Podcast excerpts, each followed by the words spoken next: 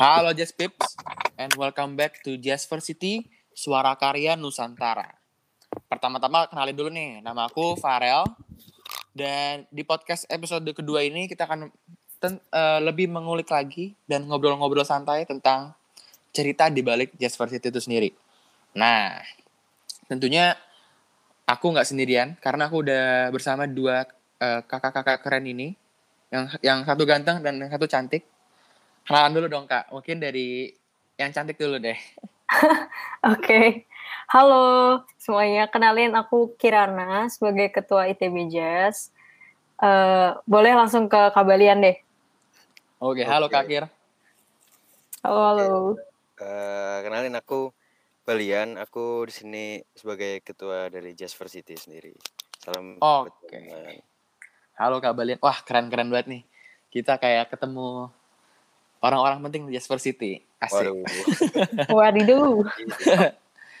Oke, karena kita udah kenalan ya, ada Kak Kirana, ada Kak Balian.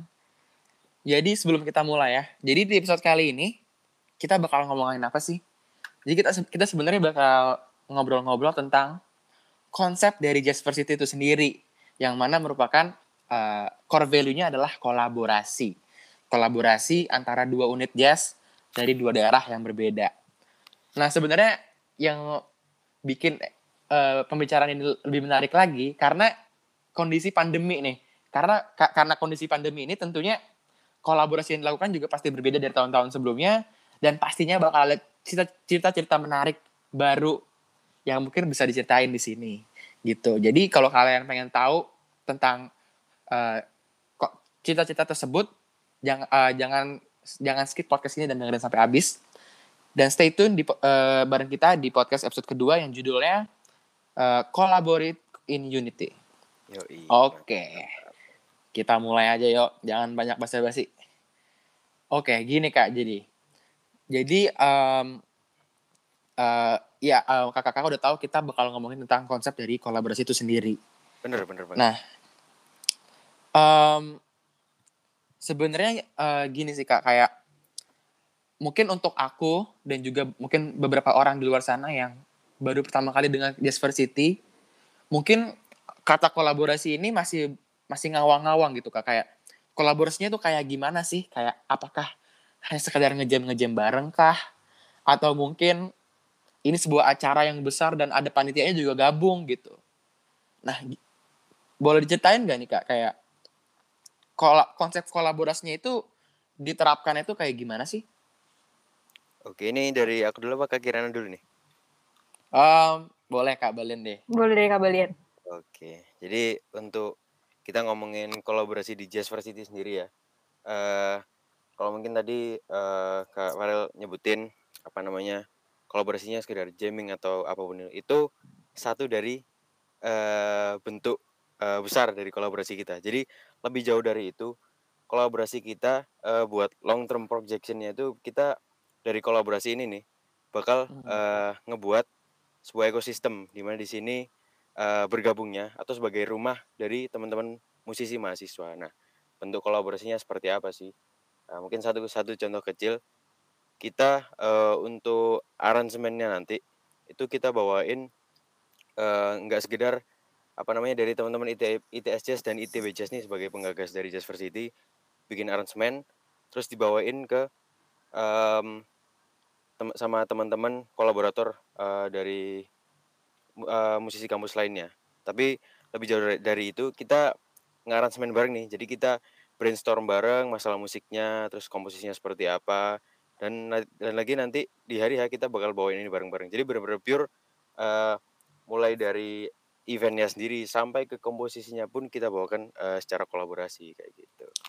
Kalau dari Oh, Kak Kiran gimana nih? Oh iya boleh kak Kirana. Oke, mungkin kalau dari Kabalian itu sebenarnya udah lengkap banget ya. Tapi mungkin aku mau jelasin eh, konsep kolaborasi antara ITB Jazz dan ITS Jazz eh, itu sendiri gitu.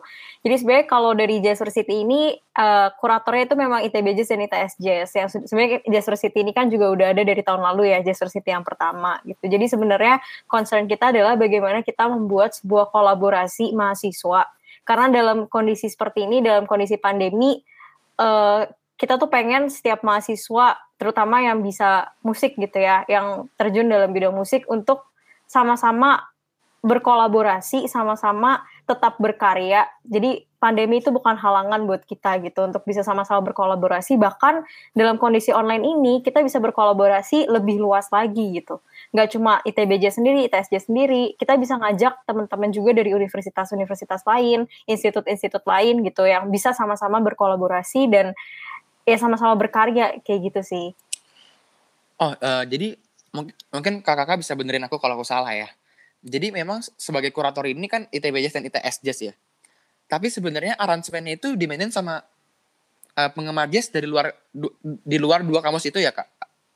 Oke, jadi mungkin aku ngelurusin ya. Jadi uh, kalau ini mungkin throwback sedikit. Jadi di awal Jazz Versi terbentuk, mulai dari kita ngegagas event, terus nge-build up event itu sendiri sampai memain, memainkan uh, komposisi yang ditampilkan itu dari uh, yang ngakurasi Jazz Varsity ini sendiri yaitu ITB Jazz dan ITS Jazz. Nah, di tahun ini Jazz Varsity 2.0 kita tuh mau ekspansi kolaborasi. Nah, kolaborasinya tuh banyak. Hmm. Jadi mulai dari government, lalu ada juga dari teman-teman apa kampus, baik dari kampus terbaik maupun kampus musik terbaik, lalu media partner dan juga kolaborasi dengan gestar. Nah, kalau uh, Kak Farel tadi tanyain uh, kalau tahun kemarin emang iya bener jadi dibawain dari kita berdua dari ITSIS dan ITBJS tapi untuk saat ini kita uh, udah ngegait banyak kolaborator nih dari ada ISI dari IKJ dari UNESA oh. Berli Indo UPH Music terus ada juga UNER UI dan juga UGM sama ITSIS dan ITBJS sendiri nah nantinya uh, komposisi yang dibikin bareng ini bakal dimainin juga sama banyak teman-teman ini dari berbagai kampus kayak gitu Oh, oke oke. Mungkin tuh pemahaman baru sih karena aku selama ini mikirnya kalau Jazz First itu tuh hanya memang benar-benar ITB Jazz dan ITS Jazz. Nah, ternyata enggak ya. Seluas itu ya. Mm-mm, Sampai ada pemerintah Mungkin juga gitu. apa namanya yang uh, organize eventnya sendiri itu dari mm -hmm. ITB Jazz dan ITS Jazz. Ya, Tapi untuk ya. dalam bentuk karya nih, dalam bentuk karya. Karena balik lagi kita untuk long term projectionnya kita bakal pengen jadi uh, sebuah ekosistem musisi mahasiswa. Jadi mulai dari sekarang kita untuk dalam segi karya ya yang kita tampilkan nanti mm -hmm. itu bakal kita tampilin bareng-bareng kayak gitu. Oke. Okay. Dan lebih dari itu uh, nggak cuma apa namanya dari segi apa namanya teman-teman mahasiswa yang kolaborasi di musik. Kita juga uh, di beberapa segmen kita itu kita berkolaborasi juga dengan berbagai uh, event jazz mahasiswa kayak gitu yang kita nanti bakal ngobrol ngobrolin apa banyak mengenai uh, gimana kita build up sebuah event kayak gitu. Oke okay, oke. Okay. mungkin itu uh, bakal kita lanjut nanti tentang event-event yang disebutin ya. Dan ternyata memang seluas itu dan ini cukup insight yang baru sih buat aku dan ternyata emang benar-benar sesuai namanya itu City ya diversity gitu kan ya. Iya. Nah um, gini sih kak karena uh, mungkin tadi udah sempat mention juga tentang pandemi dan gimana uh, ya pastinya mungkin ada shock gitu lah ya karena semuanya jadi online.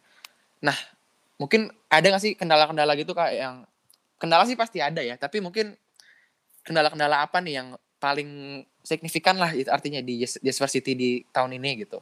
Dari Kak Kirana mungkin boleh. Oke, okay, mungkin kalau dari aku kendala yang paling signifikan karena kita mengerjakan ini jarak jauh gitu kan. Ada yang di hmm. Jakarta, ada yang di Bandung, ada yang di Surabaya. Jadi um, terkadang kalau dalam sebuah kepanitiaan event kita offline aja tuh mungkin kita perlu sering rapat, kita perlu sering ketemu gitu kan untuk kita benar-benar meluruskan konsep kita gitu. Nah, kendala yang paling besar yang aku hadapin di yang kita sama-sama hadapin lah dalam kondisi pandemi dan kita membuat acara yang skopnya jauh lebih besar gitu di Jasper City tahun ini yang pasti mungkin gimana kita handle komunikasi gitu sih jadi kita hmm. harus terus handle komunikasi mungkin dengan orang-orang yang di antara kita juga mungkin belum pernah ketemu sebelumnya gitu kan. Kita cuma bisa ketemu via hmm. layar laptop gitu. Jadi bagaimana kita bisa menjalin komunikasi itu sih supaya tetap lancar supaya tetap satu tujuan kayak gitu. Oke jadi um, mungkin aku cukup kaget juga ya karena uh, lagi pandemi gini cuman malah ekspansi gitu. Ekspansi dari segi rain apa kolaborasi kolaborator dan juga dari segi range acaranya. Mungkin itu karena emang disebabkan karena pandemi, jadi lebih mudah karena online gitu atau gimana ya? Maksudnya apakah karena pandemi kita jadi uh, enable untuk melakukan ekspansi-ekspansi tersebut gitu? Kalau menurut kalian gimana?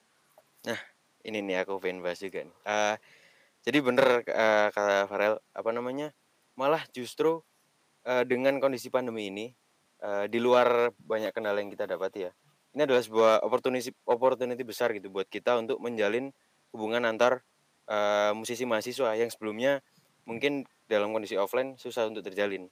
Nah di sinilah hmm. kita apa apa uh, dengan kondisi offline bener banget tadi dipermudah ke depannya karena udah terjalin kita akan selalu cari cara nih gimana untuk selalu nyambung. Jadi uh, apa namanya selain apa namanya kendala-kendala tadi online tuh jujur uh, sebuah opportunity besar untuk menyatukan kita semua gitu. Ya, hmm. Ya, setuju.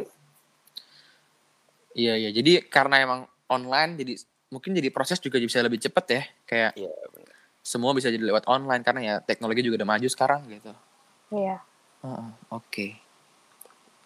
Oke, oke. Mungkin aku akan bahas tentang ini sih kayak Tadi aku udah dengar juga kan kayak gimana University tahun ini University 2.0 ya. Itu um, dari segi kolaborator dan juga range eventnya itu semakin maju lagi, makin banyak lagi kolaboratornya. Dan pastinya kita pengen improve terus gitu untuk tiap tahun di University itu improve, improve, improve. Nah, cuman uh, untuk lebih untuk ke depannya, untuk tahun-tahun ke depannya, uh, boleh tahu nggak sih rencana gitu atau enggak kayak visi atau mungkin imajinasi dari kakak-kakak tentang University itu bakal kayak gimana? Mungkin apakah konsep kolaborasinya bakal beda lagi atau mungkin segmennya bakal lebih luas lagi gitu. Mungkin nasional-nasional sampai ke pelosok-pelosok gitu. Gimana menurut kakak? Dari Kak Barlian mungkin. Oke.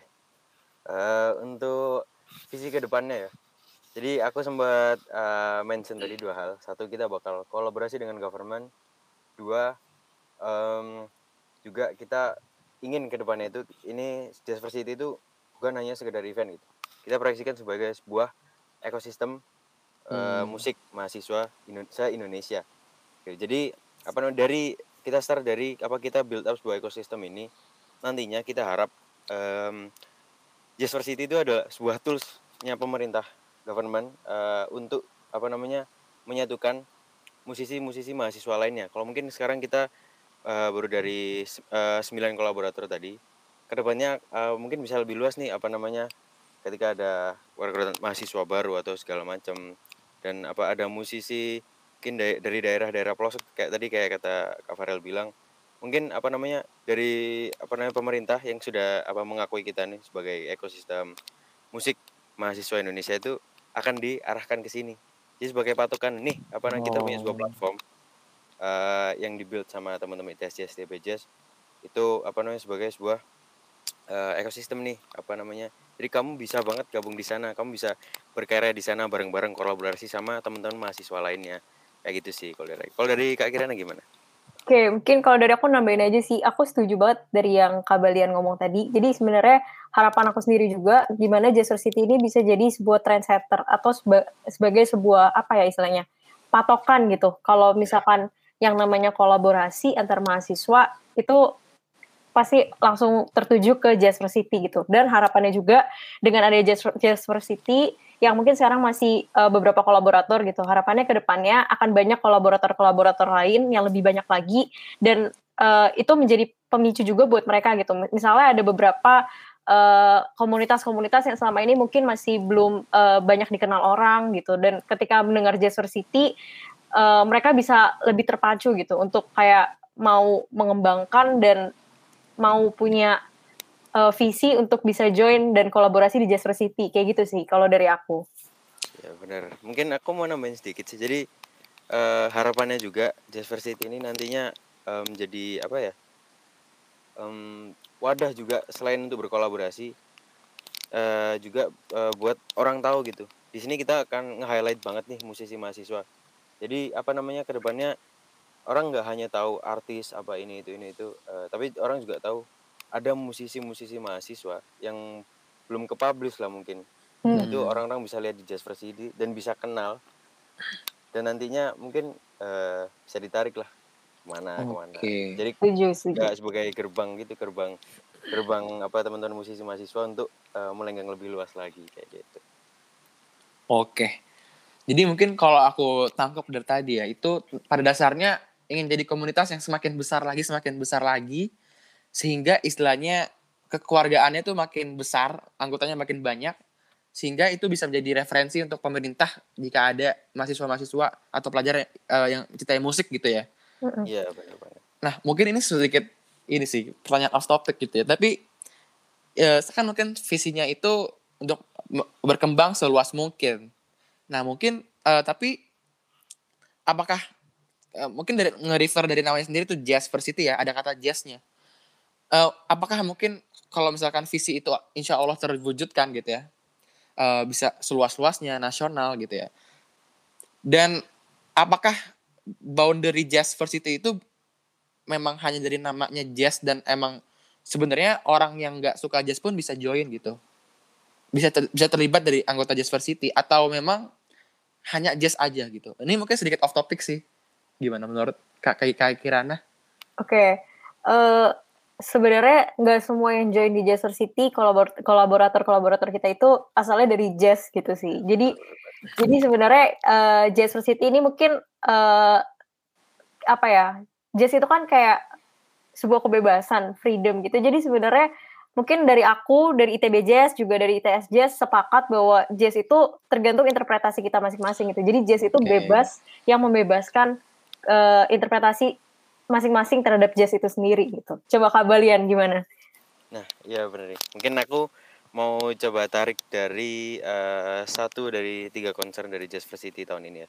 Jadi ada freedom of jazz expression kayak gitu. Nah, itu berkata Kak Kiran tadi apa namanya? Jazz itu jadi kita nggak mengkotakkan ah ini jazz, ini enggak. Itu kita nggak gitu. Jadi jazz itu balik lagi tergantung dari orang dari orang yang menginter, menginterpretasikan itu sendiri. Kayak gitu. Jadi apa namanya bebas aja yang join ke depannya nggak harus pure dia dari anak jazz. Nggak harus pure dia dia dari jazz standar jazz apa segala macam tapi bisa dari dari mana pun. Tapi di sini kita eh, bersatu apa namanya berkolaborasi lah dalam bermusik. Nanti yang kita hasilkan tuh karya-karya musik. Dibilang jazz juga enggak tapi memang kita concern eh, concernnya dari apa namanya eh, komunitas jazz kayak gitu oke oh mungkin ini aku juga baru inget sih kak aku pernah baca kalau jazz jazz itu sebenarnya lebih ke arah free will gitu ya dan nah iya. interpretasinya bisa beda-beda ya Iya. Betul. Oh, Mungkin balik iya. balik ke apa namanya secara dari jazz itu sendiri kan apa namanya eh musik yang apa ya bebas gitu jadi Mm-mm. tergantung si orang ini apa memang eh, ekspresinya dia seperti apa pada saat itu kayak gitu yang dimainkan tuh nah, dalam bentuk musik jazz itu sendiri. Jadi luas Oke. sih kalau jazz itu. Mm. karena nggak ada kotak-kotakan tadi itu ya? Nggak ada Iya, batasan bahkan yang mungkin bahkan mungkin kalau kita misal wah ini bukan jazz nih. Ada orang yang bilang ini bukan jazz nih. Hmm, padahal sebetulnya ini eh, another version of jazz. Bisa jadi seperti itu. Oke. Iya iya iya. Ngerti sih. Karena memang dari sejarahnya juga beda-beda gitu mungkin kayak kayak banyak aliran-alirannya yang sebenarnya cukup berbeda gitu dari satu aliran satu aliran dan aliran lainnya gitu iya benar Iya. Oke. Oke, mungkin aku udah cukup eh, paham juga mungkin dan teman-teman bisa dapat insight baru. Nah, ini bakal jadi pertanyaan terakhir nih, Kak. Mungkin ini ini bakal menjadi pertanyaan yang mendasar tentang varsity itu sendiri dan lebih ke arah apa ya? filosofis enggak juga sih, kayak fundamental gitu. Nah, sebenarnya kan kalau kita pengen ngebuat sebuah acara jazz gitu ya. Misalnya kayak itu tuh banyak bisa banyak temanya, maksudnya bisa apa aja gitu. Bisa hanya mungkin sekedar jamming biasa atau gimana tapi kenapa harus kolaborasi gitu mungkin ini bisa nge-refer balik ke eh, awal Jazz Varsity itu dibentuk gitu kenapa kolaborasi itu menjadi hal yang dipilih untuk diangkat dalam Jazz Varsity gitu sih mungkin mungkin dari kak Kirana dulu Oke. Kenapa kolaborasi jadi hal yang sangat penting di Jazz City ya? Kalau dari aku sendiri em, sesimpel ini sih, kayak semakin berkembangnya zaman gitu, semakin ke sini lah. Kita tuh banyak banyak anak-anak muda yang semakin terjun dalam bidang-bidang yang seharusnya bukan ranah kita gitu, atau mungkin ada ada bagian-bagian yang sebenarnya eh, kita tuh udah udah terlalu over untuk ikut campur kayak gitu sih mungkin dalam bidang politik atau apa pun itu gitu. Jadi sebenarnya kalau dari aku sendiri, aku mikirnya kita tuh ranah kita sekarang adalah gimana kita berkarya gitu. Berkarya dengan apa? Dengan apa yang kita punya sekarang gitu. Jadi kalau teman-teman yang memang concern di bidang musik, di bidang bagaimana membuat sebuah acara, kayak ya tidak ada lagi jalan yang tepat selain kita menciptakan sebuah karya gitu. Dengan cara apa? Dengan cara kolaborasi. Jadi nggak ada lagi di era sekarang tuh kita membanding-bandingkan, nggak ada lagi siapa yang lebih dibandingkan siapa gitu. Jadi gimana semuanya tuh kita saling berkolaborasi lah, kita saling bersatu dan uh, menurut menurutku musik itu bahasa yang universal, bahasa yang bisa diterima oleh setiap orang yang juga mempersatukan gitu. Dan di sini concern dari Jazz City itu sendiri makanya kenapa kita mengangkat kolaborasi itu sebagai bahasa utama kita gitu ibaratnya gitu sih. Oke, kalau Kak Balian gimana nih ngeinterpretasiinnya? Oke, saya bener banget ya tadi yang bilang Kak Kirana. Cuman kalau dari aku, mungkin aku mau mengutip dari apa yang sering dibilang sama uh, uh, Kak Nawe, uh, Mas Anbia Noval itu ketua dari atau frontman dari ITS Jazz. Okay. Dia selalu bilang collaboration is the new competition. Jadi apa di mana oh. mungkin kita ini dalam hal bermusik ya, mungkin dalam bermusik atau build up sebuah event. Kita sendiri nih jalan ITSJ sendiri. Bisa kok bisa aja. Tapi uh, apa namanya? Apakah bisa apa namanya kita melenggang lebih luas gitu. Kita jadi lebih besar. Rasanya uh, butuh apa ya? Butuh kawan ya, butuh kawan. Jadi itu tadi kenapa kolaborasi adalah jadi hal yang penting untuk kita membuat sesuatu yang lebih besar dari apa yang kita punya sekarang. Kayak gitu sih kalau dari oke. Nah aku sebenarnya ini sih kak. Aku bisa relate banget ya dari penjelasannya kak Kirana dan kak Balian kalau kalau mungkin kalau aku bisa lihat ya memang ini sebenarnya dasarnya itu lebih luas dari musik itu sendiri kan. Kayak tadi kak Kirana bilang politik gitu. Ya di mana kita kita tahu lah ya sekarang tuh zamannya ketersinggungan gitu. Banyak orang pecah belah karena hal-hal yeah. sepele gitu. Betul betul. Betul lah gitu. Ya mungkin lahirnya dari situ gitu ya. Jadi gimana kita bisa bersatu lah istilahnya di lew lewat karya gitu ya. Itu lewat dispersi itu, itu sendiri. Dan juga aku tadi nge-highlight dari Kak Balian kalau sekarang tuh emang era bukan eranya kompetisi ya Kak, tapi eranya iya. kolaborasi yeah. gitu. Iya, yeah, benar-benar. Kita maju bersatu. Iya gimana Kak? Kalau apa namanya balik ke ini akhir ya, apa namanya? Apa namanya? sejarah dari Jazz sendiri juga. Mm -mm. Bahwa di awal apa namanya? Uh, banyak apa namanya stigma pengkomparasian gitu dari teman-teman ini eh, nggak uh, dalam hal bermusik ya bahkan uh, awalnya dari uh, di mana kita bersekolah gitu misal nih aku di ITS uh, di ITB ya kira di ITB itu kayak ditanyain eh bagus mana sih ITS sama ITB hmm. mana sih ITS sama ITB nah itu akhirnya uh, berlanjut juga di kita di apa unit musik kita masing-masing uh, di sini aku di dari ITS uh, kira dari ITB Jazz kayak uh, eh keren mana sih musiknya? Apa IT mm. ITS Jazz apa ITB Jazz? Lebih jazz mana sih gitu ya? Nah, lebih jazz mana sih? Itu dari situ nah kenapa kita nggak kolaborasi aja bikin sesuatu yeah. yang lebih besar lagi? Bahkan sekarang uh, kita uh, juga berhasil nge teman-teman kolaborator dari berbagai kampus. Nah di uh, nggak ada gitu apa namanya um, kayak wah ini bandnya dari universitas ini bagus mana sama ini? Ini bagus mana sama ini yang ada kita jadi satu nih di Jazz City. Ini karya kita bersama musisi-musisi mahasiswa dari berbagai kampus kayak gitu. Kan itu jadi lebih enak gitu dikenalnya sama orang kayak gitu sih. Tapi iya juga ya maksudnya kenapa semuanya harus dibanding-bandingkan gitu? Kenapa semuanya harus serba, serba kompetisi gitu kan? Kayak maksudnya biasa aja lah gitu. Kayak aku yakin sih maksudnya dari ITB Jazz City sendiri punya kelebihan dan kekurangannya masing-masing gitu loh. Jadi Iya, betul. Kita kita ada posisinya dan kalau dengan kolaborasi kan kita menambah jadi value itu kan. Jadi kayak nggak mm. ada gunanya juga berkompetisi gitu loh. Jadi nih kolaborasi. sama-sama bermusik kan. Hmm, kalau bilang ITS Jazz bagus ITB Jazz bagus. Bagus. Kalau kita kolaborasi jauh lebih bagus lagi betul. Gitu. asik wah itu ini sebenarnya kayak suatu apa ya prinsip atau dasar sebenarnya yang sebenarnya bisa diterapkan di kehidupan semua sih. Maksudnya nggak cuma di musik doang gitu dan semoga kalau sebenarnya kalau itu bisa diterapin di masyarakat luas itu ya mungkin udah nggak ada lagi pertikaian pertikaian gitu. Tuh. Oke, mungkin pertanyaan tadi itu sekaligus menutup podcast kita kali ini dan Um, Oke, ini se sebenarnya ini kayak ini ya kayak um, uh, kebiasaan dari sebuah podcast itu ad ada podcast Jasper City itu ada quotes-nya dulu. Nah, ini bakal bakal bacain. Nih. Gimana tuh? Baca uh, tulis uh, gini, bunyinya gini. Liquid architecture, architecture it's like jazz. You improvise, you work together, you play off each other, you make something, they make something. And I think it's a way of It's a way of trying to understand the city and what might happen in the city. Itu oleh Frank Gehry. Nah, aku juga jujur sebenarnya ini nggak paham banget. tapi, tapi ini ini udah udah disediain guys penjelasannya. Bahwa ada uh, ada ini lah ya, ada quotesnya kan keren ya.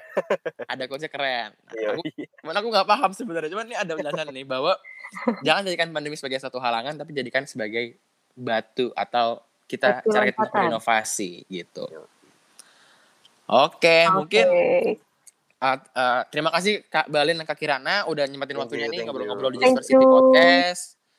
Um, ya semoga kita semua bisa terus berkarya ya Kak. Amin. Amin. Oke, okay, uh, mungkin untuk Just Pips nih yang lagi ngedengerin dan ngedengerin sampai habis. Um, terima kasih juga udah ngedengerin sampai habis dan stay tune untuk um, episode podcast berikutnya. Thank you so much Just Pips dan juga kakak-kakak semuanya yang udah dengerin podcast ini. Uh, stay healthy guys dan bye bye. Dadah.